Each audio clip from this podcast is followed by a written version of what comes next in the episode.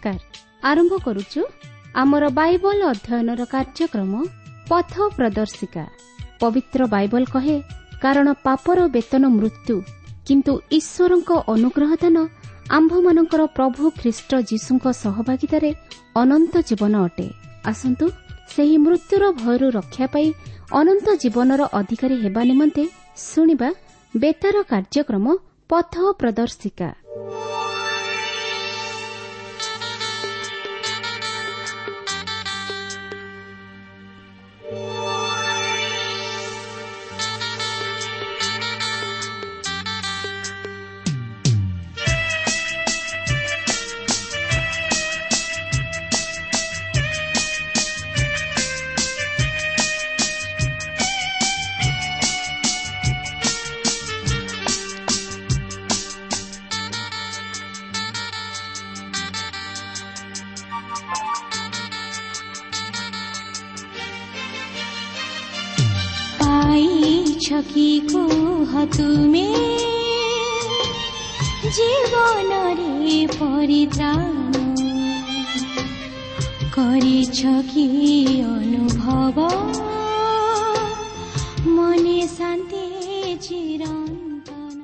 ପ୍ରିୟ ଶ୍ରୋତା ବନ୍ଧୁ ଆଜିର ଏହି ଶୁଭ ଅବସରରେ ଆମମାନଙ୍କର ସୃଷ୍ଟିକର୍ତ୍ତା ତଥା ଉଦ୍ଧାରକର୍ତ୍ତା ପ୍ରଭୁ ଯୀଶୁଖ୍ରୀଷ୍ଟଙ୍କ ବହୁମୂଲ୍ୟ ନାମରେ ଶୁଭେଚ୍ଛା ଜଣାଇ ଆଜିର ଏହି ପଥ ପ୍ରଦର୍ଶିକା କାର୍ଯ୍ୟକ୍ରମରେ ଅଂଶ ହେବା ନିମନ୍ତେ ଆପଣଙ୍କୁ ସ୍ୱାଗତ କରେ।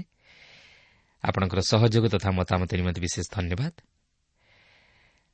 ଆପଣ ପ୍ରଭୁ ଯୀଶୁଙ୍କ ବିଷୟରେ ଅଧିକ ଜାଣିବା ନିମନ୍ତେ ଆଗ୍ରହୀ ଥିବାରୁ ଆମେ ମଧ୍ୟ ବିଶେଷ ଖୁସି ଆପଣଙ୍କ ନିମନ୍ତେ ପ୍ରାର୍ଥନା କରୁଅଛୁ। ଆଉ ଯଦି ଆପଣଙ୍କର ପ୍ରାର୍ଥନାର କୌଣସି ବିଷୟ ଥାଏ? କିମ୍ବା ଆପଣଙ୍କର ଜୀବନର ଯଦି କିଛି ସାକ୍ଷ୍ୟ ଥାଏ ତାହେଲେ ତାହା ଲେଖି ଜଣାଇଲେ ଆମେ ଆପଣଙ୍କ ନିମନ୍ତେ ପ୍ରାର୍ଥନା କରିପାରିବୁ। ଆପଣ ଏହି କାର୍ଯ୍ୟକ୍ରମ ନିୟମିତ ଶୁଣନ୍ତୁ ଓ ଅନ୍ୟମାନଙ୍କୁ ଶୁଣାଇବାରେ ସାହାଯ୍ୟ କରନ୍ତୁ ଏବଂ ସେମାନଙ୍କୁ ଆମ ସହ ପତ୍ର ମାଧ୍ୟମରେ ଯୋଗାଯୋଗ କରିବା ନିମନ୍ତେ ଉତ୍ସାହିତ କରନ୍ତୁ।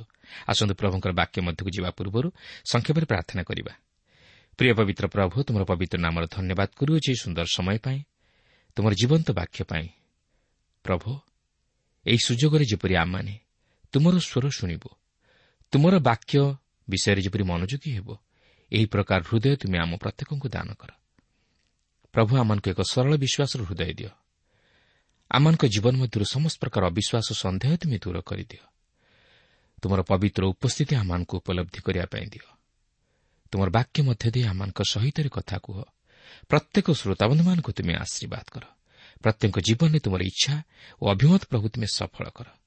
ଏହି ସମସ୍ତ ପ୍ରାର୍ଥନା ଆମମାନଙ୍କୁ ଉଦ୍ଧାରକର୍ତ୍ତା ଜୀବିତ ପୁନରୁଦ୍ଧିତ ପ୍ରିୟ ପ୍ରଭୁ ଯୀଶୁଙ୍କ ନାମରେ ଅଳ୍ପ ଭିକ୍ଷା ମାଗୁଅଛୁ।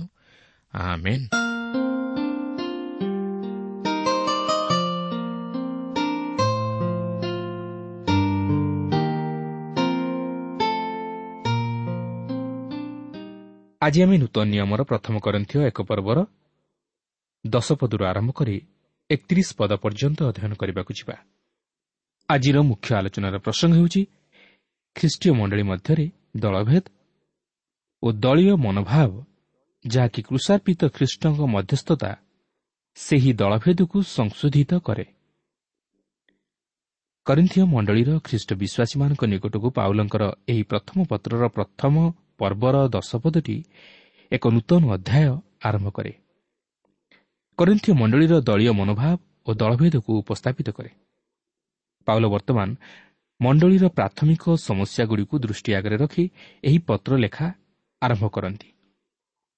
କିନ୍ତୁ ଏକ ଆଶ୍ଚର୍ଯ୍ୟର ବିଷୟ ଲକ୍ଷ୍ୟ କରିବାକୁ ପାରିବେ ଯେ ସେମାନଙ୍କର ସମସ୍ୟା ବର୍ତ୍ତମାନର ଖ୍ରୀଷ୍ଟୀୟ ମଣ୍ଡଳୀର ସମସ୍ୟା ସହିତ ପ୍ରାୟ ସମତୁଲ।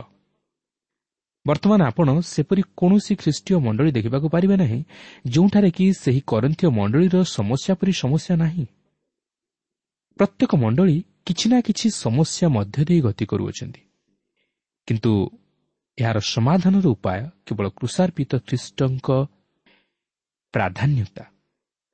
ଦେଖନ୍ତୁ ପ୍ରଥମ କରିନ୍ଥୀୟ ପ୍ରଥମ ପର୍ବ ଦଶ ପଦରେ ଲେଖା ଅଛି ହେ ଭାଇମାନେ ଆମ୍ଭମାନଙ୍କ ପ୍ରଭୁ ଯୀଶୁ ଖ୍ରୀଷ୍ଟଙ୍କ ନାମରେ ମୁଁ ତୁମମାନଙ୍କୁ ଅନୁରୋଧ କରୁଅଛି ଯେପରି ତୁମେମାନେ ସମସ୍ତେ ଏକ କଥା କୁହ ଆଉ ତୁମମାନଙ୍କ ମଧ୍ୟରେ ଦଳଭେଦ ନ ହୁଏ। କିନ୍ତୁ ତୁମ୍ଭେମାନେ ଏକ ମନରେ ଓ ଏକ ବିଚାରରେ ସମ୍ମିଳିତ ହୁଅ। ଲକ୍ଷ୍ୟ କରନ୍ତୁ ଏହି ପଦରେ ପ୍ରଭୁ ଯୀଶୁଖ୍ରୀଷ୍ଟଙ୍କୁ ପୁନର୍ବାର ଉପସ୍ଥାପିତ କରାଯାଇଅଛି।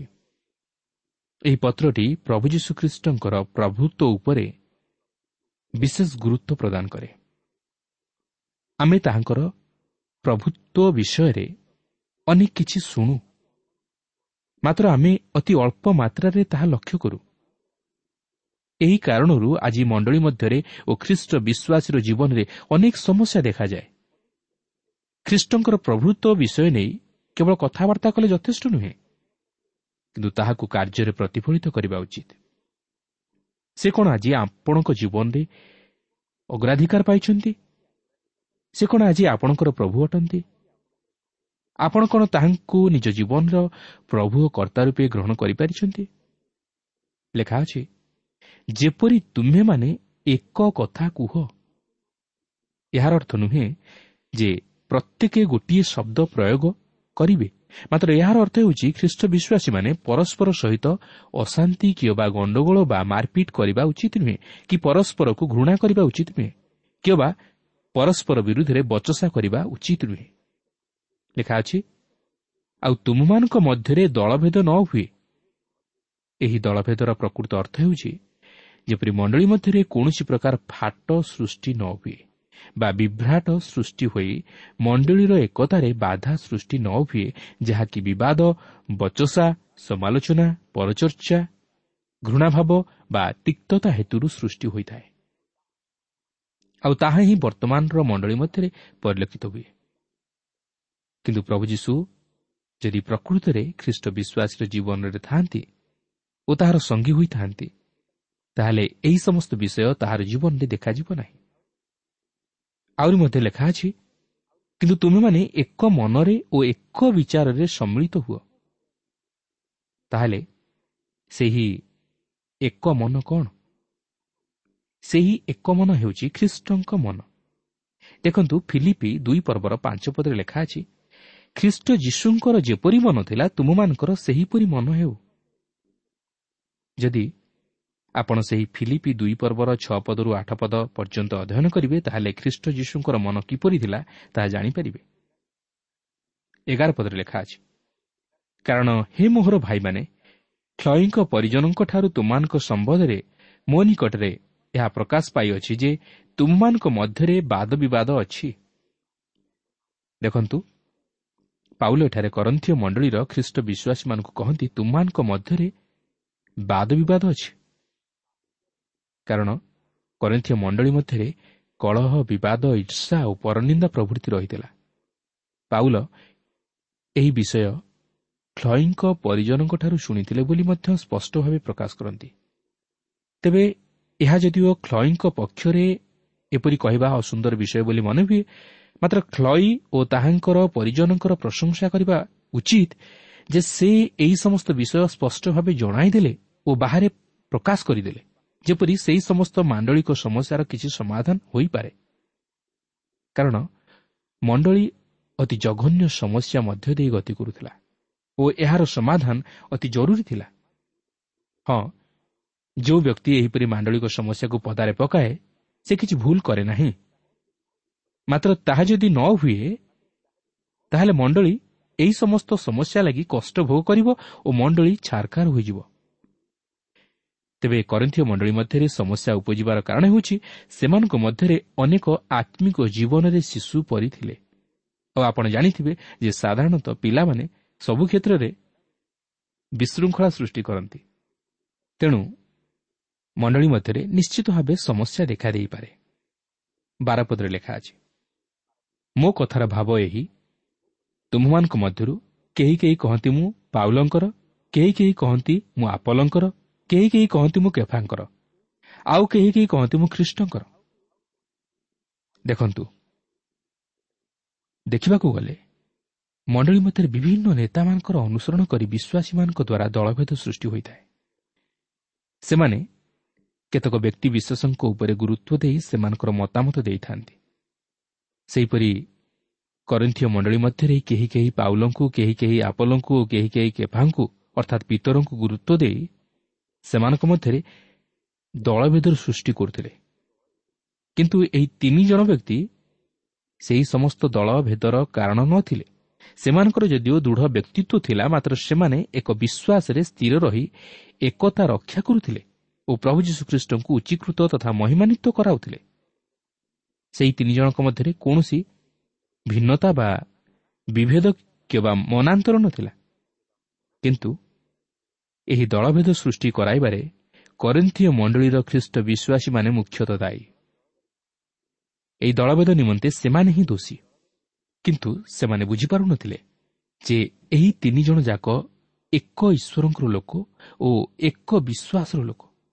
ତେଣୁକରି ପାଉଲ ଏହି ବିଷୟ ନେଇ ସେମାନଙ୍କ ନିକଟକୁ ପତ୍ର ଲେଖୁଛନ୍ତି ଓ ସେ ଶେଷରେ ପ୍ରଭୁ ଯୀଶୁ ଖ୍ରୀଷ୍ଟଙ୍କୁ ଏହି ତିନି ଜଣଙ୍କ ଅପେକ୍ଷା ଅଧିକ ପ୍ରାଧାନ୍ୟ ଦେଉଅଛନ୍ତି। ସେ ସେମାନଙ୍କୁ ଦେଖାଇ ଦେବାକୁ ଚାହାନ୍ତି ଯେ ମଣ୍ଡଳୀ ମଧ୍ୟରେ ଘଟୁଥିବା ବିଭେଦ ଓ ଦଳଭେଦର ସମାଧାନ ନିମନ୍ତେ ଖ୍ରୀଷ୍ଟଙ୍କ ପ୍ରାଧାନ୍ୟତା ହେଉଛି ଏକମାତ୍ର ଯଥାର୍ଥ ଉତ୍ତର। ପ୍ରିୟ ବନ୍ଧୁ ଯେପର୍ଯ୍ୟନ୍ତ ଖ୍ରୀଷ୍ଟ ବିଶ୍ୱାସୀ ଓ ବିଶ୍ୱାସିନୀ ଖ୍ରୀଷ୍ଟଙ୍କ ନିକଟକୁ ନ ଆସିଛନ୍ତି ଓ ଖ୍ରୀଷ୍ଟଙ୍କୁ ପ୍ରାଧାନ୍ୟ ନ ଦେଇଛନ୍ତି ସେ ପର୍ଯ୍ୟନ୍ତ ମଣ୍ଡଳୀ ମଧ୍ୟରୁ ସମସ୍ୟା ଦୂର ହେବ ନାହିଁ କି ସମସ୍ୟାର ସମାଧାନ ମଧ୍ୟ ଘଟିବ ନାହିଁ। ସେହି ମଣ୍ଡଳୀ ମଧ୍ୟରେ ସେହି ତିନୋଟି ଦଳକୁ ମିଶାଇ ଆଉ ଏକ ଦଳର ଲୋକ ଅର୍ଥାତ୍ ଚତୁର୍ଥ ଦଳର ଲୋକ କହୁଥିଲେ ଆମେ ଖ୍ରୀଷ୍ଟଙ୍କର। କିନ୍ତୁ ସେମାନେ ପ୍ରକୃତରେ ଖ୍ରୀଷ୍ଟଙ୍କୁ ପ୍ରଥମ ସ୍ଥାନ ଦେଉନଥିଲେ। ମାତ୍ର ସେମାନେ ଉପର ଠାଉରିଆ ଭାବେ ନିଜ ନିଜକୁ ଖ୍ରୀଷ୍ଟଙ୍କର ଲୋକ ବୋଲି ଦେଖାଇ ହେଉଥିଲେ। ମୋର ମତରେ ଏହି ଦଳ ଅତି ମାରାତ୍ମକ ଥିଲେ ଯେହେତୁ ସେମାନେ ପ୍ରକୃତରେ ଖ୍ରୀଷ୍ଟଙ୍କୁ ଗୌରବ ନ ଦେଇ ନିଜକୁ ଖ୍ରୀଷ୍ଟଙ୍କର ବୋଲି କହି ଅନ୍ୟ ଖ୍ରୀଷ୍ଟ ବିଶ୍ୱାସୀମାନଙ୍କୁ ମଣ୍ଡଳୀ ମଧ୍ୟରୁ ଅଲଗା କରିଦେଉଥିଲେ। ଏହିପରି ଭାବରେ ସେମାନେ ଅନ୍ୟମାନଙ୍କୁ ଆତ୍ମିକ ସ୍ତରରେ ଘୃଣା ଦୃଷ୍ଟିରେ ଦେଖୁଥିଲେ। ଆଜି କ'ଣ ମଣ୍ଡଳୀ ମଧ୍ୟରେ ଏହିପରି ବିଶୃଙ୍ଖଳା ତଥା ଦଳଭେଦ ଦେଖାଦେଉନାହିଁ କି? ହଁ ନିଶ୍ଚୟ। କିନ୍ତୁ ଏହା ବାହାରର ସମସ୍ୟା ନୁହେଁ। ମାତ୍ର ଏହି ସମସ୍ୟା ମଣ୍ଡଳୀ ମଧ୍ୟରୁ ହିଁ ଉତ୍ପନ୍ନ ହୁଏ ବିଶ୍ୱାସୀମାନଙ୍କ ମଧ୍ୟରୁ ହିଁ ଉତ୍ପନ୍ନ ହୁଏ କେବଳ ନିଜର ଆତ୍ମଧାର୍ମିକତା ଆତ୍ମ ଅହମିକା ସମାଲୋଚନାମୂଳକ ମନୋଭାବ ଓ ନିଜର ଜ୍ଞାନ ଗାରିମା ଓ ପଦପଦବୀର ଲାଳସ ଦୃଷ୍ଟିରୁ ଏହିପରି ସମସ୍ୟା ତଥା ଦଳଭେଦ ଦେଖାଦେଇଥାଏ ମଣ୍ଡଳୀର ଏହି ଆଭ୍ୟନ୍ତରୀଣ ସମସ୍ୟା ଅତି ଭୟଙ୍କର ଓ ଏହା ମଣ୍ଡଳୀର ପତନ ଘଟାଇପାରେ ତେଣୁ ଏଥିନିମନ୍ତେ ପ୍ରତ୍ୟେକ ଖ୍ରୀଷ୍ଟ ବିଶ୍ୱାସୀ ସତର୍କ ହେବା ଉଚିତ ଓ ଖ୍ରୀଷ୍ଟଙ୍କୁ ମଣ୍ଡଳୀ ମଧ୍ୟରେ ପ୍ରାଧାନ୍ୟ ଦେଇ ତାହାଙ୍କୁ ଗୌରବାନ୍ୱିତ ତଥା ଉଚ୍ଚୀକୃତ କରିବା ଉଚିତ। ଯେହେତୁ ଖ୍ରୀଷ୍ଟ ହେଉଛନ୍ତି ମଣ୍ଡଳୀର ମସ୍ତକ। ଦେଖନ୍ତୁ ପାଉଲ ବର୍ତ୍ତମାନ ଏହି ସମସ୍ୟାର ସମାଧାନ କରିବାକୁ ଯାଇ ସେମାନଙ୍କୁ ପଚାରୁଛନ୍ତି ଯାହାକି ତେର ପଦରେ ଲେଖା ଅଛି। ଖ୍ରୀଷ୍ଟ କି ବିଭକ୍ତ ହୋଇଅଛନ୍ତି? ତୁମ୍ଭମାନଙ୍କ ନିମନ୍ତେ କି ପାଉଲ କୃଷରେ ହତ ହୋଇଥିଲା? କିମ୍ବା ତୁମ୍ଭେମାନେ କି ପାଉଲ ନାମରେ ବାପ୍ତିଜିତ ହୋଇଥିଲ? ପାଉଲ ଏଠାରେ ସେହି କରିନ୍ଥୀୟ ମଣ୍ଡଳୀର ସମସ୍ୟାକୁ ସମାଧାନ କରିବାକୁ ଯାଇ ଖ୍ରୀଷ୍ଟଙ୍କୁ ପ୍ରାଧାନ୍ୟ ଦିଅନ୍ତି। ସେଠାରେ ସେମାନଙ୍କୁ କେତେକ ପ୍ରଶ୍ନ କରନ୍ତି ସେମାନଙ୍କ ମନ ମଧ୍ୟରୁ ସେହି ସମସ୍ତ ଭ୍ରାନ୍ତ ଚିନ୍ତାଧାରା ଦୂରେଇ ଦେବା ଲାଗି। ଯେପରି ସେମାନେ ପାଉଲଙ୍କୁ ଶ୍ରେଷ୍ଠ ସ୍ଥାନ ନ ଦେଇ ଖ୍ରୀଷ୍ଟଙ୍କୁ ଶ୍ରେଷ୍ଠ ସ୍ଥାନ ଦିଅନ୍ତି। ପ୍ରକୃତରେ ଖ୍ରୀଷ୍ଟ ବିଭକ୍ତ ହୋଇନାହାନ୍ତି ଯଦି କୌଣସି ବିଷୟ ଖ୍ରୀଷ୍ଟଙ୍କଠାରୁ ଖ୍ରୀଷ୍ଟ ବିଶ୍ୱାସୀକୁ ବିଚ୍ଛିନ୍ନ କରିଥାଏ ତାହେଲେ ଭୁଲ ଖ୍ରୀଷ୍ଟଙ୍କର ନୁହେଁ ମାତ୍ର ସେହି ବିଷୟର। ତାହା ଯେକୌଣସି ବିଷୟ ହୋଇଥାଉ ନା କାହିଁକି?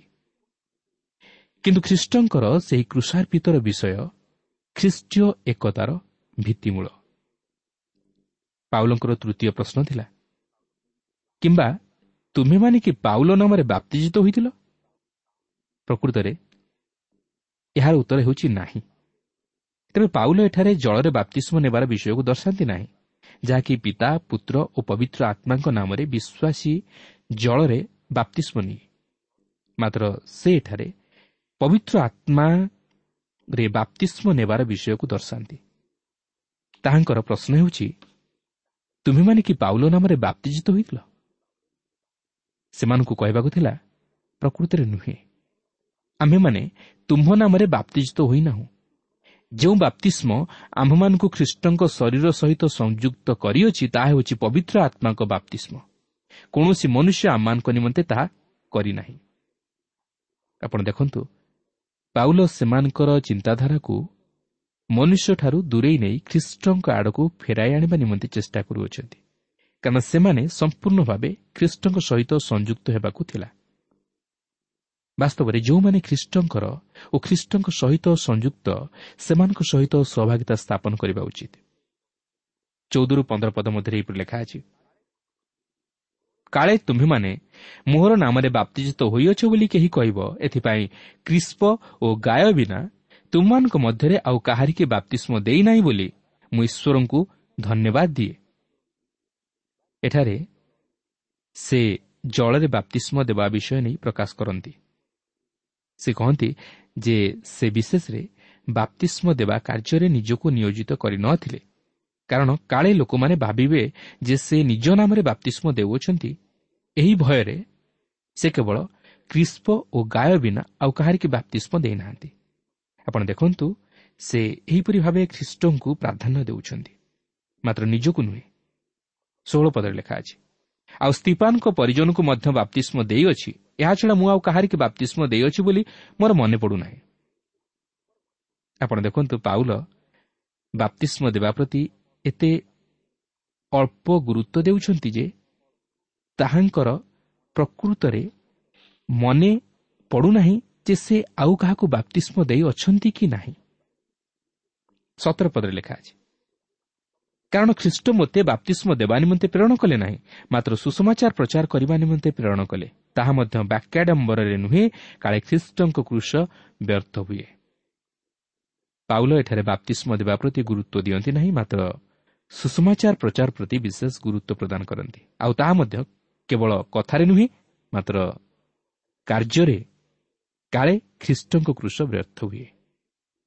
ଅର୍ଥାତ୍ ଖ୍ରୀଷ୍ଟଙ୍କ ନାମ ଓ ତାହାଙ୍କର କାର୍ଯ୍ୟ ଯେପରି ନିନ୍ଦିତ ନ ହୁଏ ବା ବ୍ୟର୍ଥ ନ ହୁଏ ଏଥି ନିମନ୍ତେ ସେ ବିଶେଷରେ ଯତ୍ନବାନ ଥିଲେ କିନ୍ତୁ ଆପଣ ଦେଖନ୍ତୁ ବର୍ତ୍ତମାନର ମଣ୍ଡଳୀ ମଧ୍ୟରେ କେତେକ ସାଧାରଣ ବିଷୟକୁ ନେଇ ଦଳଭେଦ ଓ ବିଚ୍ଛେଦ ସୃଷ୍ଟି ହୁଏ ଯଦ୍ୱାରା ମଣ୍ଡଳୀ ମଧ୍ୟରେ ବିବାଦ ଓ କଳହ ସୃଷ୍ଟି ହୁଏ। କରିନ୍ଥୀୟ ମଣ୍ଡଳୀରେ ସେହି ପ୍ରକାର ଦଳୀୟ ମନୋଭାବ ଲାଗି ଫାଟ ସୃଷ୍ଟି ହେଲା। ଏହି ତିନି ଜଣ ବ୍ୟକ୍ତି ଅର୍ଥାତ୍ ଆପଲ ପାଉଲ ଓ କେଫା କରନ୍ଥୀୟ ମଣ୍ଡଳୀ ମଧ୍ୟରେ ଏକତା ଓ ଶକ୍ତିର ସମ୍ବାଦ ପ୍ରଚାର କରିଥିଲେ ସେମାନେ ଯେଉଁ ସୁସମାଚାର ପ୍ରଚାର କରିଥିଲେ ଏହା ଏକତା ଉପରେ ପ୍ରତିଷ୍ଠିତ ଥିଲା। ମାତ୍ର ବିଭେଦ ଉପରେ ନୁହେଁ। କିନ୍ତୁ ଏହି ମଣ୍ଡଳୀର ଖ୍ରୀଷ୍ଟ ବିଶ୍ୱାସୀମାନେ ଆତ୍ମିକ ଜୀବନରେ ଶିଶୁ ପରିଥିବାରୁ ସେମାନେ ମନୁଷ୍ୟ ଉପରେ ଗୁରୁତ୍ୱ ପ୍ରଦାନ କଲେ। ଆଉ ବର୍ତ୍ତମାନ ପାଉଲ ସେମାନଙ୍କର ସେହି ଦଳୀୟ ଓ ବିବାଦୀୟ ମନୋଭାବଠାରୁ ସେମାନଙ୍କୁ ଦୂରେଇ ନେଇ ଖ୍ରୀଷ୍ଟଙ୍କ ପ୍ରାଧାନ୍ୟତା ତଥା ପ୍ରଭୃତ୍ୱ ପ୍ରତି ସେମାନଙ୍କର ମନୋଭାବକୁ ଫେରାଇ ଆଣନ୍ତି।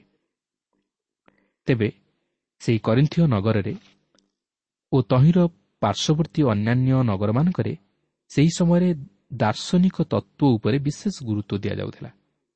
ଏହି ପର୍ବରେ ମଧ୍ୟ ଆମେ ତାହା ଲକ୍ଷ୍ୟ କରିବାକୁ ଯିବା। ଦେଖନ୍ତୁ ଅଠର ପଦରେ ଲେଖା ଅଛି କାରଣ ବିନାଶ ପ୍ରାପ୍ତ ହେଉଥିବା ଲୋକମାନଙ୍କ ପ୍ରତି କୃଷର କଥା ମୂର୍ଖତା ମାତ୍ର।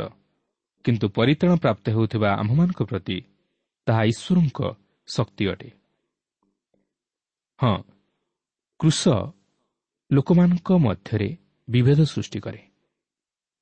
କୃଷ ଉଦ୍ଧାରପ୍ରାପ୍ତ ବ୍ୟକ୍ତିକୁ ଉଦ୍ଧାରପ୍ରାପ୍ତ ହୋଇନଥିବା ବ୍ୟକ୍ତିଠାରୁ ପୃଥକ କରେ। ମାତ୍ର ଏହା ଉଦ୍ଧାରପ୍ରାପ୍ତ ବ୍ୟକ୍ତିମାନଙ୍କ ମଧ୍ୟରେ ବିଭେଦ ସୃଷ୍ଟି କରେ ନାହିଁ। ଏହା ବିଶ୍ୱାସୀମାନଙ୍କୁ ଖ୍ରୀଷ୍ଟଙ୍କ ସହିତ ସଂଯୁକ୍ତ କରାଏ ଓ ଏକତା ରକ୍ଷା କରେ। ମାତ୍ର ଯେଉଁମାନେ ବିନାଶପ୍ରାପ୍ତ ଲୋକ ଓ ବିନାଶର ପଥରେ ଗମନ କରନ୍ତି ସେମାନଙ୍କ ପ୍ରତି ଏହି କୃଷ ମୂର୍ଖତା ମାତ୍ର। କିନ୍ତୁ ଯେଉଁମାନେ ଉଦ୍ଧାରପ୍ରାପ୍ତ ଓ ଉଦ୍ଧାରର ପଥରେ ଗମନ କରନ୍ତି ସେମାନଙ୍କ ପ୍ରତି ଏହା ଈଶ୍ୱରଙ୍କ ଶକ୍ତି ଅଟେ। ଏହିଠାରେ ଆମେ ଏକ ଭିନ୍ନତାକୁ ଲକ୍ଷ୍ୟ କରୁ। ଆଉ ସେହି ଭିନ୍ନତା ଉଦ୍ଧାରପ୍ରାପ୍ତ ଓ ବିନାଶପ୍ରାପ୍ତ ଲୋକମାନଙ୍କ ମଧ୍ୟରେ କୃଷ ହିଁ ସୃଷ୍ଟି କରେ। ମାତ୍ର ଏହା ବିଶ୍ୱାସୀମାନଙ୍କ ନିମନ୍ତେ ଏକତାର ଶକ୍ତି ଓ ଉତ୍ସ। ଖ୍ରୀଷ୍ଟଙ୍କର କୃଷ ଜଗତକୁ ବିଭେଦ କରେ ମାତ୍ର ଏହା ଖ୍ରୀଷ୍ଟୀୟ ମଣ୍ଡଳୀ ମଧ୍ୟରେ ବିଭେଦ ସୃଷ୍ଟି କରେ ନାହିଁ। ଉଣେଇଶରୁ ଏକୋଇଶ ପଦ ମଧ୍ୟରେ ଲେଖା ଅଛି ଯେଣୁ ଏହା ଲେଖା ଅଛି ଆମ୍ଭେ ଜ୍ଞାନୀମାନଙ୍କର ଜ୍ଞାନ ନଷ୍ଟ କରିବା ଆଉ ବୁଦ୍ଧିମାନମାନଙ୍କର ବୁଦ୍ଧି ଅଗ୍ରାହ୍ୟ କରିବା। ଜ୍ଞାନୀ କାହିଁ? ଶାସ୍ତ୍ରୀ କାହିଁ? ଏହି ଯୁଗର ତାର୍ତ୍ତିକ କାହିଁ? ଈଶ୍ୱର କି ଜଗତର ଜ୍ଞାନକୁ ମୂର୍ଖତା ବୋଲି ପ୍ରକାଶ କରିନାହାନ୍ତି? କାରଣ ଈଶ୍ୱରଙ୍କ ଜ୍ଞାନ ପ୍ରକାଶିତ ହୋଇଥିଲେ ହେଁ ଜଗତ ନିଜ ଜ୍ଞାନ ଦ୍ୱାରା ଈଶ୍ୱରଙ୍କୁ ନ ଜାଣିବାରୁ ପ୍ରଚାରିତ ପ୍ରସଙ୍ଗର ମୂର୍ଖତା ଦ୍ୱାରା ବିଶ୍ୱାସୀମାନଙ୍କୁ ପରିତ୍ରାଣ କରିବା ପାଇଁ ଈଶ୍ୱର ସନ୍ତୁଷ୍ଟ ହେଲେ। ଲକ୍ଷ୍ୟ କରନ୍ତୁ ଏହା ମୂର୍ଖ ପ୍ରଚାର ନଥିଲା। ମାତ୍ର ପ୍ରଚାରର ମୂର୍ଖତା ଥିଲା। ଏହା ସେମାନଙ୍କ ନିମନ୍ତେ ମୂର୍ଖତା ସ୍ୱରୂପ ଥିଲା। ବାଇଶ ଓ ତେଇଶ ପଦରେ ଲେଖା ଅଛି କାରଣ ଜୁହୁଦୀମାନେ ଚିହ୍ନ ଲୋଡ଼ନ୍ତି ଆଉ ଗ୍ରୀକ୍ ମାନେ ଜ୍ଞାନ ଅନ୍ୱେଷଣ କରନ୍ତି କିନ୍ତୁ ଆମ୍ଭେମାନେ କୃଷରେ ହତ ଖ୍ରୀଷ୍ଟଙ୍କୁ ପ୍ରଚାର କରୁ। ସେ ଜୁହୁଦୀମାନଙ୍କ ନିମନ୍ତେ ବିଘ୍ନ ସ୍ୱରୂପ ଓ ବିଜାତିମାନଙ୍କ ନିମନ୍ତେ ମୂର୍ଖତା ସ୍ୱରୂପ। ଲକ୍ଷ୍ୟ କରନ୍ତୁ ପାଉଲ ଏଠାରେ ମନୁଷ୍ୟ ଜାତିକୁ ଦୁଇ ଭାଗରେ ବିଭକ୍ତ କରନ୍ତି ଜିହୁଦୀ ଓ ଗ୍ରୀକ୍ ଅର୍ଥାତ୍ ଦଳେ ଜିହୁଦୀ ଓ ଆଉ ଦଳେ ବିଜାତୀୟ ବା ଗ୍ରୀକ୍ ଜିହୁଦୀ ଧର୍ମକୁ ଉପସ୍ଥାପିତ କରେ ତାହାର ଈଶ୍ୱରଦତ୍ତ ଧର୍ମ ଥିଲା। ଜିହୁଦୀମାନେ ଭାବୁଥିଲେ ଯେ ସେମାନଙ୍କଠାରେ ସତ୍ୟ ଅଛି ଓ ସେମାନେ ତାହା କଲେ ଯେତେଦୂର ପର୍ଯ୍ୟନ୍ତ ପୁରାତନ ନିୟମ ବିଚାରକୁ ଅଣାଯାଏ। କିନ୍ତୁ ସମସ୍ୟାଟି ହେଲା ଏହା ସେମାନଙ୍କ ନିମନ୍ତେ ଏକ ପ୍ରଥାରେ ପରିଣତ ହୋଇଗଲା। ସେମାନେ ଧର୍ମଶାସ୍ତ୍ରକୁ ଛାଡ଼ି ଆନୁଷ୍ଠାନିକ ବିଧିବିଧାନକୁ ଅନୁକରଣ କଲେ ଯାହାକି ସେମାନଙ୍କ ଧର୍ମଶାସ୍ତ୍ରର ଅନୁବାଦ ସ୍ୱରୂପ ଥିଲା। ଏହି ରୂପେ ଐଶ୍ୱରିକ ଶକ୍ତି ମଧ୍ୟ ଅପସାରିତ ହୋଇଗଲା। ତେଣୁକରି ଯେତେବେଳେ ଖ୍ରୀଷ୍ଟ ପ୍ରକାଶିତ ହେଲେ ସେତେବେଳେ ସେମାନେ ଏକ ଚିହ୍ନ ଅନ୍ୱେଷଣ କଲେ। ସେମାନେ ଧର୍ମଶାସ୍ତ୍ର ମଧ୍ୟକୁ ଫେରିଯିବା ପରିବର୍ତ୍ତେ ଚିହ୍ନ ମାଗିଲେ। ତେଣୁ ପ୍ରଭୁ ଯୀଶୁଖ୍ରୀଷ୍ଟ ସେମାନଙ୍କୁ ପୁନରୁତ୍ଥାନର ଚିହ୍ନ ଦେଲେ ଯାହାକି ମାଥ୍ୟୁ ବାର ପର୍ବର ଅଠତିରିଶ ପଦରୁ ଚାଳିଶ ପଦ ମଧ୍ୟରେ ଲେଖା ଅଛି। ସେତେବେଳେ ଶାସ୍ତ୍ରୀ ଓ ଫାରୋସୀମାନଙ୍କ ମଧ୍ୟରୁ କେତେକ ଜଣ ତାହାଙ୍କୁ ଉତ୍ତର ଦେଲେ ହେ ଗୁରୁ ଆମ୍ଭେମାନେ ଆପଣଙ୍କଠାରୁ ଗୋଟିଏ ଚିହ୍ନ ଦେଖିବାକୁ ଇଚ୍ଛା କରୁଅଛୁ। କିନ୍ତୁ ସେ ସେମାନଙ୍କୁ ଉତ୍ତର ଦେଲେ ଦୁଷ୍ଟ ଓ ବେଭିଚାରୀ ବଂଶ ଚିହ୍ନ ଅନ୍ୱେଷଣ କରନ୍ତି ମାତ୍ର ଭାଓବାଦୀ ଜୁନସଙ୍କ ଚିହ୍ନ ବିନା ଅନ୍ୟ କୌଣସି ଚିହ୍ନ ସେମାନଙ୍କୁ ଦିଆଯିବ ନାହିଁ। କାରଣ ଜୁନସ ଯେପରି ତିନି ଦିନ ଓ ତିନି ରାତ୍ରି ବୃହତ୍ ମତ୍ସ୍ୟ ଉଦରରେ ଥିଲେ। ମନୁଷ୍ୟପୁତ୍ର ସେହିପରି ତିନି ଦିନ ଓ ତିନି ରାତ୍ରି ଭୂଗର୍ଭରେ ରହିବେ। ଏହାପରେ ଆମେ ଦେଖୁଛୁ ଯେ ସେହି ପ୍ରକାରେ ଗ୍ରୀକ୍ ମାନେ ଥିଲେ ବିଜାତୀୟ। ସେମାନେ ଦାର୍ଶନିକ ତତ୍ତ୍ୱକୁ ଉପସ୍ଥାପିତ କରନ୍ତି। ସେମାନେ ଜ୍ଞାନର ପ୍ରେମିକ ଥିଲେ। ସେମାନେ କହିଲେ ଯେ ସେମାନେ ସତ୍ୟର ଅନ୍ୱେଷଣ କରୁଥିଲେ। ସେମାନେ ବିବେକବାଦୀ ଥିଲେ। ଯେତେବେଳେ ଜୁହୁଦୀମାନେ ଆନୁଷ୍ଠାନିକ ବିଧିବିଧାନ ମଧ୍ୟରେ ସୀମିତ ହୋଇ ରହିଲେ ସେତେବେଳେ ବିଜାତୀୟମାନେ ବିବେକବାଦୀ ଭାବରେ ସୀମିତ ହୋଇ ରହିଲେ ଓ ନିଜର ବିବେକ ଅନୁଯାୟୀ ପରିଚାଳିତ ହେଲେ। କିନ୍ତୁ ପାଉଲ କହନ୍ତି ଈଶ୍ୱର କି ଜଗତର ଜ୍ଞାନକୁ ମୂର୍ଖତା ବୋଲି ପ୍ରକାଶ କରିନାହାନ୍ତି କାରଣ ଈଶ୍ୱରଙ୍କ ଜ୍ଞାନ ପ୍ରକାଶିତ ହୋଇଥିଲେ ହେଁ ଜଗତ ନିଜ ଜ୍ଞାନ ଦ୍ୱାରା ଈଶ୍ୱରଙ୍କୁ ନ ଜାଣିବାରୁ ପ୍ରଚାରିତ ପ୍ରସଙ୍ଗର ମୂର୍ଖତା ଦ୍ୱାରା ବିଶ୍ୱାସୀମାନଙ୍କୁ ପରିତ୍ରାଣ କରିବା ପାଇଁ ଈଶ୍ୱର ସନ୍ତୁଷ୍ଟ ହେଲେ। ବାସ୍ତବରେ ଏହା ଏକ ଚମତ୍କାର ମନ୍ତବ୍ୟ। ଏହାପରେ ପାଉଲ ଆହୁରି କହନ୍ତି କିନ୍ତୁ ଆମ୍ଭେମାନେ କୃଷରେ ହତ ଖ୍ରୀଷ୍ଟଙ୍କୁ ପ୍ରଚାର କରୁ। ସେ ଜୁହୁଦୀମାନଙ୍କ ନିମନ୍ତେ ବିଘ୍ନ ସ୍ୱରୂପ ଓ ବିଜାତିମାନଙ୍କ ନିମନ୍ତେ ମୂର୍ଖତା ସ୍ୱରୂପ ଦେଖନ୍ତୁ ଜୁହୁଦୀମାନଙ୍କ ନିମନ୍ତେ ଖ୍ରୀଷ୍ଟଙ୍କର କୃଷ ବିଘ୍ନଜନକ ଥିଲା। ସେମାନେ ଚିହ୍ନ ଅନ୍ୱେଷଣ କଲେ। ଏହାର ଅର୍ଥ ସେମାନେ ଖ୍ରୀଷ୍ଟଙ୍କର ସେହି କୃଷିୟ ମୃତ୍ୟୁକୁ ଗ୍ରହଣ କରିପାରିଲେ ନାହିଁ କି ତହରି ବିଶ୍ୱାସ ସ୍ଥାପନ କରିପାରିଲେ ନାହିଁ। ଏହାର ଅର୍ଥ ସେମାନେ ପରାଜିତ ହେଲେ କିନ୍ତୁ ବିଜୟୀ ହୋଇପାରିଲେ ନାହିଁ। ସେହି କୃଷିୟ ମୃତ୍ୟୁ ସେମାନଙ୍କ ନିମନ୍ତେ ପରାଜୟର କାରଣ ହେଲା କିନ୍ତୁ ବିଜୟର କାରଣ ହୋଇପାରିଲା ନାହିଁ। ରୋମିଓ ନଅ ପର୍ବର ତେତିଶ ପଦରେ ଲେଖା ଅଛି ଦେଖ ଆମ୍ଭେ ସିଓନରେ ଗୋଟିଏ ବାଧାଜନକ ପ୍ରସ୍ତର ଓ ବିଘ୍ନଜନକ ପାଷାଣ ସ୍ଥାପନ କରୁଅଛୁ ଆଉ ଯେ ତାହାଙ୍କଠାରେ ବିଶ୍ୱାସ କରେ ସେ ଲଜ୍ଜିତ ହେବ ନାହିଁ। ପ୍ରଭୁ ଯୀଶୁଖ୍ରୀଷ୍ଟଙ୍କର କୃଷି ମୃତ୍ୟୁ ବିଜାତିମାନଙ୍କ ନିମନ୍ତେ ବା ଗ୍ରୀକ୍ମାନଙ୍କ ନିମନ୍ତେ ମୂର୍ଖତା ସ୍ୱରୂପ ସେମାନେ ଏହାକୁ ନିନ୍ଦାର ବିଷୟ ତଥା ମୂଲ୍ୟହୀନ ବୋଲି ବିଚାର କଲେ ସେହି ପ୍ରଭୁ ଯୀଶୁଖ୍ରୀଷ୍ଟଙ୍କର ସେହି କୃଷି ମୃତ୍ୟୁର ବାସ୍ତବ ଅଭିପ୍ରାୟ ତଥା ତାତ୍ପର୍ଯ୍ୟକୁ ବୁଝିପାରିଲେ ନାହିଁ ଆଜି ମଧ୍ୟ ଅନେକ ଖ୍ରୀଷ୍ଟଙ୍କୁ ଓ ତାହାଙ୍କର ସେହି କୃଷି ମୃତ୍ୟୁକୁ ନିନ୍ଦା କରନ୍ତି ପରିହାସ କରନ୍ତି ସେମାନେ ତାହାଙ୍କର ସେହି କୃଷି ମୃତ୍ୟୁର ବାସ୍ତବ ତାତ୍ପର୍ଯ୍ୟକୁ ଏପର୍ଯ୍ୟନ୍ତ ବୁଝିପାରି ନାହାନ୍ତି କି ବୁଝିବାକୁ ମଧ୍ୟ ଚେଷ୍ଟା କରନ୍ତି ନାହିଁ ତେଣୁ ସେମାନଙ୍କ ପ୍ରତି କୃଷର କଥା ମୂର୍ଖତା ମାତ୍ର କାରଣ ସେମାନେ ବିନାଶ ପ୍ରାପ୍ତ ବର୍ତ୍ତମାନ ପାଉଲ ଆଉ ଏକ ଦଳର ଲୋକମାନଙ୍କୁ ଆମମାନଙ୍କ ନିକଟରେ ପରିଚିତ କରାନ୍ତି। ଦେଖନ୍ତୁ ଚବିଶରୁ ଛବିଶ ପଦ ମଧ୍ୟରେ ଏହିପରି ଲେଖା ଅଛି। କିନ୍ତୁ ଜିହୁଦୀ ହେଉ ବା ଗ୍ରୀକ୍ ହେଉ ଯେଉଁମାନେ ଆହୁତ ସେମାନଙ୍କ ନିମନ୍ତେ ଖ୍ରୀଷ୍ଟ ଈଶ୍ୱରଙ୍କ ଶକ୍ତି ଓ ଈଶ୍ୱରଙ୍କ ଜ୍ଞାନ ସ୍ୱରୂପ ଅଟନ୍ତି। ଜଣୁ ଈଶ୍ୱରଙ୍କ ମୂର୍ଖ ବିଷୟ ମନୁଷ୍ୟର ଜ୍ଞାନ ଅପେକ୍ଷା ଅଧିକ ଜ୍ଞାନପୂର୍ଣ୍ଣ ଆଉ ଈଶ୍ୱରଙ୍କ ଦୁର୍ବଳ ବିଷୟ ମନୁଷ୍ୟର ବଳ ଅପେକ୍ଷା ଅଧିକ ବଳବାନ। କାରଣ ହେ ଭାଇମାନେ ତୁମମାନଙ୍କ ଆହ୍ୱାନ ବିଷୟ ଭାବି ଦେଖ।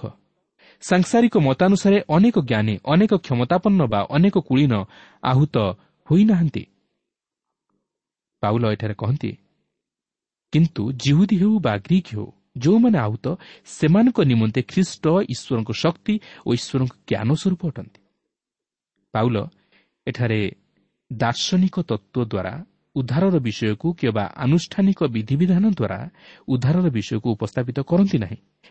କିମ୍ବା ଏକ ବିଜୟୀ ଜୀବନକୁ ଉପସ୍ଥାପିତ କରନ୍ତି ନାହିଁ। ମାତ୍ର ଖ୍ରୀଷ୍ଟ ଓ ତାହାଙ୍କର କୃଷ୍ୟ ମୃତ୍ୟୁ ଦ୍ୱାରା ଆଉ ତାହା କେବଳ ସେହିମାନଙ୍କ ନିମନ୍ତେ ସମ୍ଭବ ଯେଉଁମାନେ ଆହୁତ ବା ଈଶ୍ୱରଙ୍କ ଦ୍ୱାରା ଆହ୍ୱାନ ପ୍ରାପ୍ତ।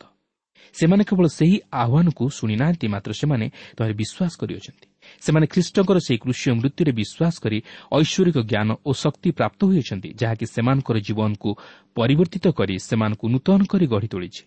ଲକ୍ଷ୍ୟ କରନ୍ତୁ ଯାହା ସେମାନଙ୍କ ନିମନ୍ତେ ମୂର୍ଖତାର ବିଷୟ ଥିଲା ସେହି ମୂର୍ଖତାର ପ୍ରଚାର ଦ୍ୱାରା ଲୋକମାନେ ଉଦ୍ଧାରପ୍ରାପ୍ତ ହେବେ। ଆଉ ତାହା ହେଉଛି ଖ୍ରୀଷ୍ଟଙ୍କ କୃଷର ପ୍ରଚାର ଦ୍ୱାରା। ତାହା ପ୍ରଚାରର ଧାରା ନୁହେଁ ମାତ୍ର କୃଷିୟ ସମ୍ବାଦ ଯାହାକି ଲୋକେ ମୂର୍ଖତାର ବିଷୟ ବୋଲି ବିଚାର କରନ୍ତି। ଏହାପରେ ସତେଇଶରୁ ଏକତିରିଶ ପଦ ମଧ୍ୟରେ ଏହିପରି ଲେଖା ଅଛି। କିନ୍ତୁ ଯେପରି କୌଣସି ମର୍ତ୍ତ୍ୟ ଈଶ୍ୱରଙ୍କ ଛାମୁରେ ଗର୍ବ ନ କରେ ଏଥିପାଇଁ ଈଶ୍ୱର ଜ୍ଞାନୀମାନଙ୍କୁ ଲଜ୍ଜା ଦେବା ନିମନ୍ତେ ଜଗତର ମୂର୍ଖ ବିଷୟ ସବୁ ମନୋନୀତ କଲେ ପୁଣି ବଳବାନ ବିଷୟ ସବୁକୁ ଲଜ୍ଜା ଦେବା ନିମନ୍ତେ ଈଶ୍ୱର ଜଗତର ଦୁର୍ବଳ ବିଷୟ ସବୁ ମନୋନୀତ କଲେ। ଆଉ ଯାହା ଜଗତ ଚକ୍ଷୁରେ ମାନ୍ୟଗଣ୍ୟ ସେସବୁକୁ ବ୍ୟର୍ଥ କରିବା ନିମନ୍ତେ ଈଶ୍ୱର ଜଗତର ନିଚ ଓ ତୁଚ୍ଛ ବିଷୟଗୁଡ଼ିକ ନଗଣ୍ୟ ବିଷୟଗୁଡ଼ିକ ମନୋନୀତ କଲେ। କିନ୍ତୁ ତାହାଙ୍କ ହେତୁ ତୁମେମାନେ ଖ୍ରୀଷ୍ଟ ଯୀଶୁଙ୍କଠାରେ ଅଛ ସେ ଈଶ୍ୱରଙ୍କଠାରୁ ଆମମାନଙ୍କ ନିମନ୍ତେ ଜ୍ଞାନ ଅର୍ଥାତ୍ ଧାର୍ମିକତା ପବିତ୍ରତା ଓ ମୁକ୍ତି ସ୍ୱରୂପ ହୋଇଅଛନ୍ତି ଅତେବ ଯେପରି ଲେଖା ଅଛି ଯେ ଦର୍ପ କରେ ସେ ପ୍ରଭୁଙ୍କଠାରେ ଦର୍ପ କରୁ। ପ୍ରିୟ ବନ୍ଧୁ ସେ ହେଉଛନ୍ତି ଆମମାନଙ୍କର ସବୁ ଏସବୁ ଓ ଆମ୍ଭେମାନେ ତାହାଙ୍କଠାରେ ଦର୍ପ କରିବା ଆବଶ୍ୟକ। ପ୍ରିୟ ବନ୍ଧୁ କେବଳ ଖ୍ରୀଷ୍ଟ ହିଁ ହେଉଛନ୍ତି ଏକମାତ୍ର ଯାହାଙ୍କଠାରେ ଆମେ ଦର୍ପ କରିବା ଦ୍ୱାରା ଅନନ୍ତ ଜୀବନ ଓ ଆଶୀର୍ବାଦ ତଥା ଅନୁଗ୍ରହର ଅଧିକାରୀ ହୋଇପାରିବା। ପ୍ରଭୁ ପ୍ରତ୍ୟେକଙ୍କୁ ଏହି ସଂକ୍ଷିପ୍ତ ଆଲୋଚନା ମଧ୍ୟ ଦେଇ ଆଶୀର୍ବାଦ କରନ୍ତୁ।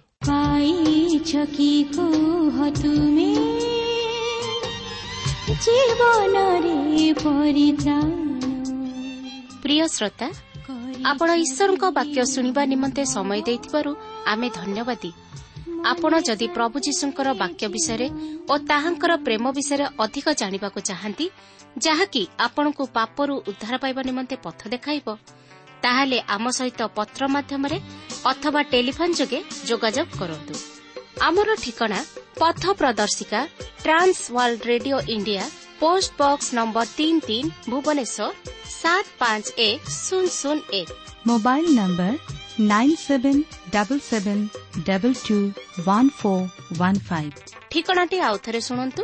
ପଥ ପ୍ରଦର୍ଶିକା Trans World Radio India post box number three three Bhubaneswar seven five one zero zero one mobile number nine seven double seven double two one four one five ଆମର ଇମେଲ୍ ଆଡ୍ରେସ୍ଟି ଲେଖି ରଖନ୍ତୁ। Odia TV at radio eight eight two dot com ତେବେ ଆଜି ପାଇଁ ଏଇଠାରେ ରଖୁଛୁ। ପ୍ରଭୁ ଯୀଶୁ ଆପଣଙ୍କୁ ଆଶୀର୍ବାଦ କରନ୍ତୁ। ନମସ୍କାର।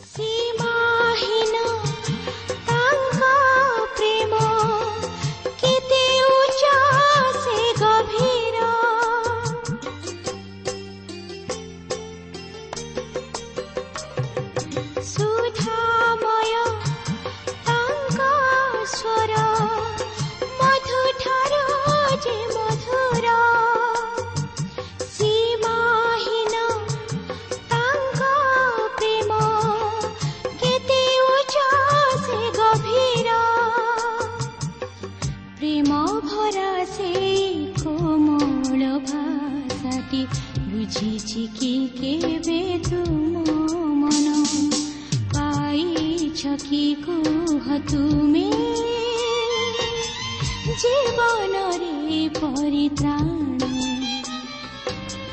କରିଛ କି ଅନୁଭବ?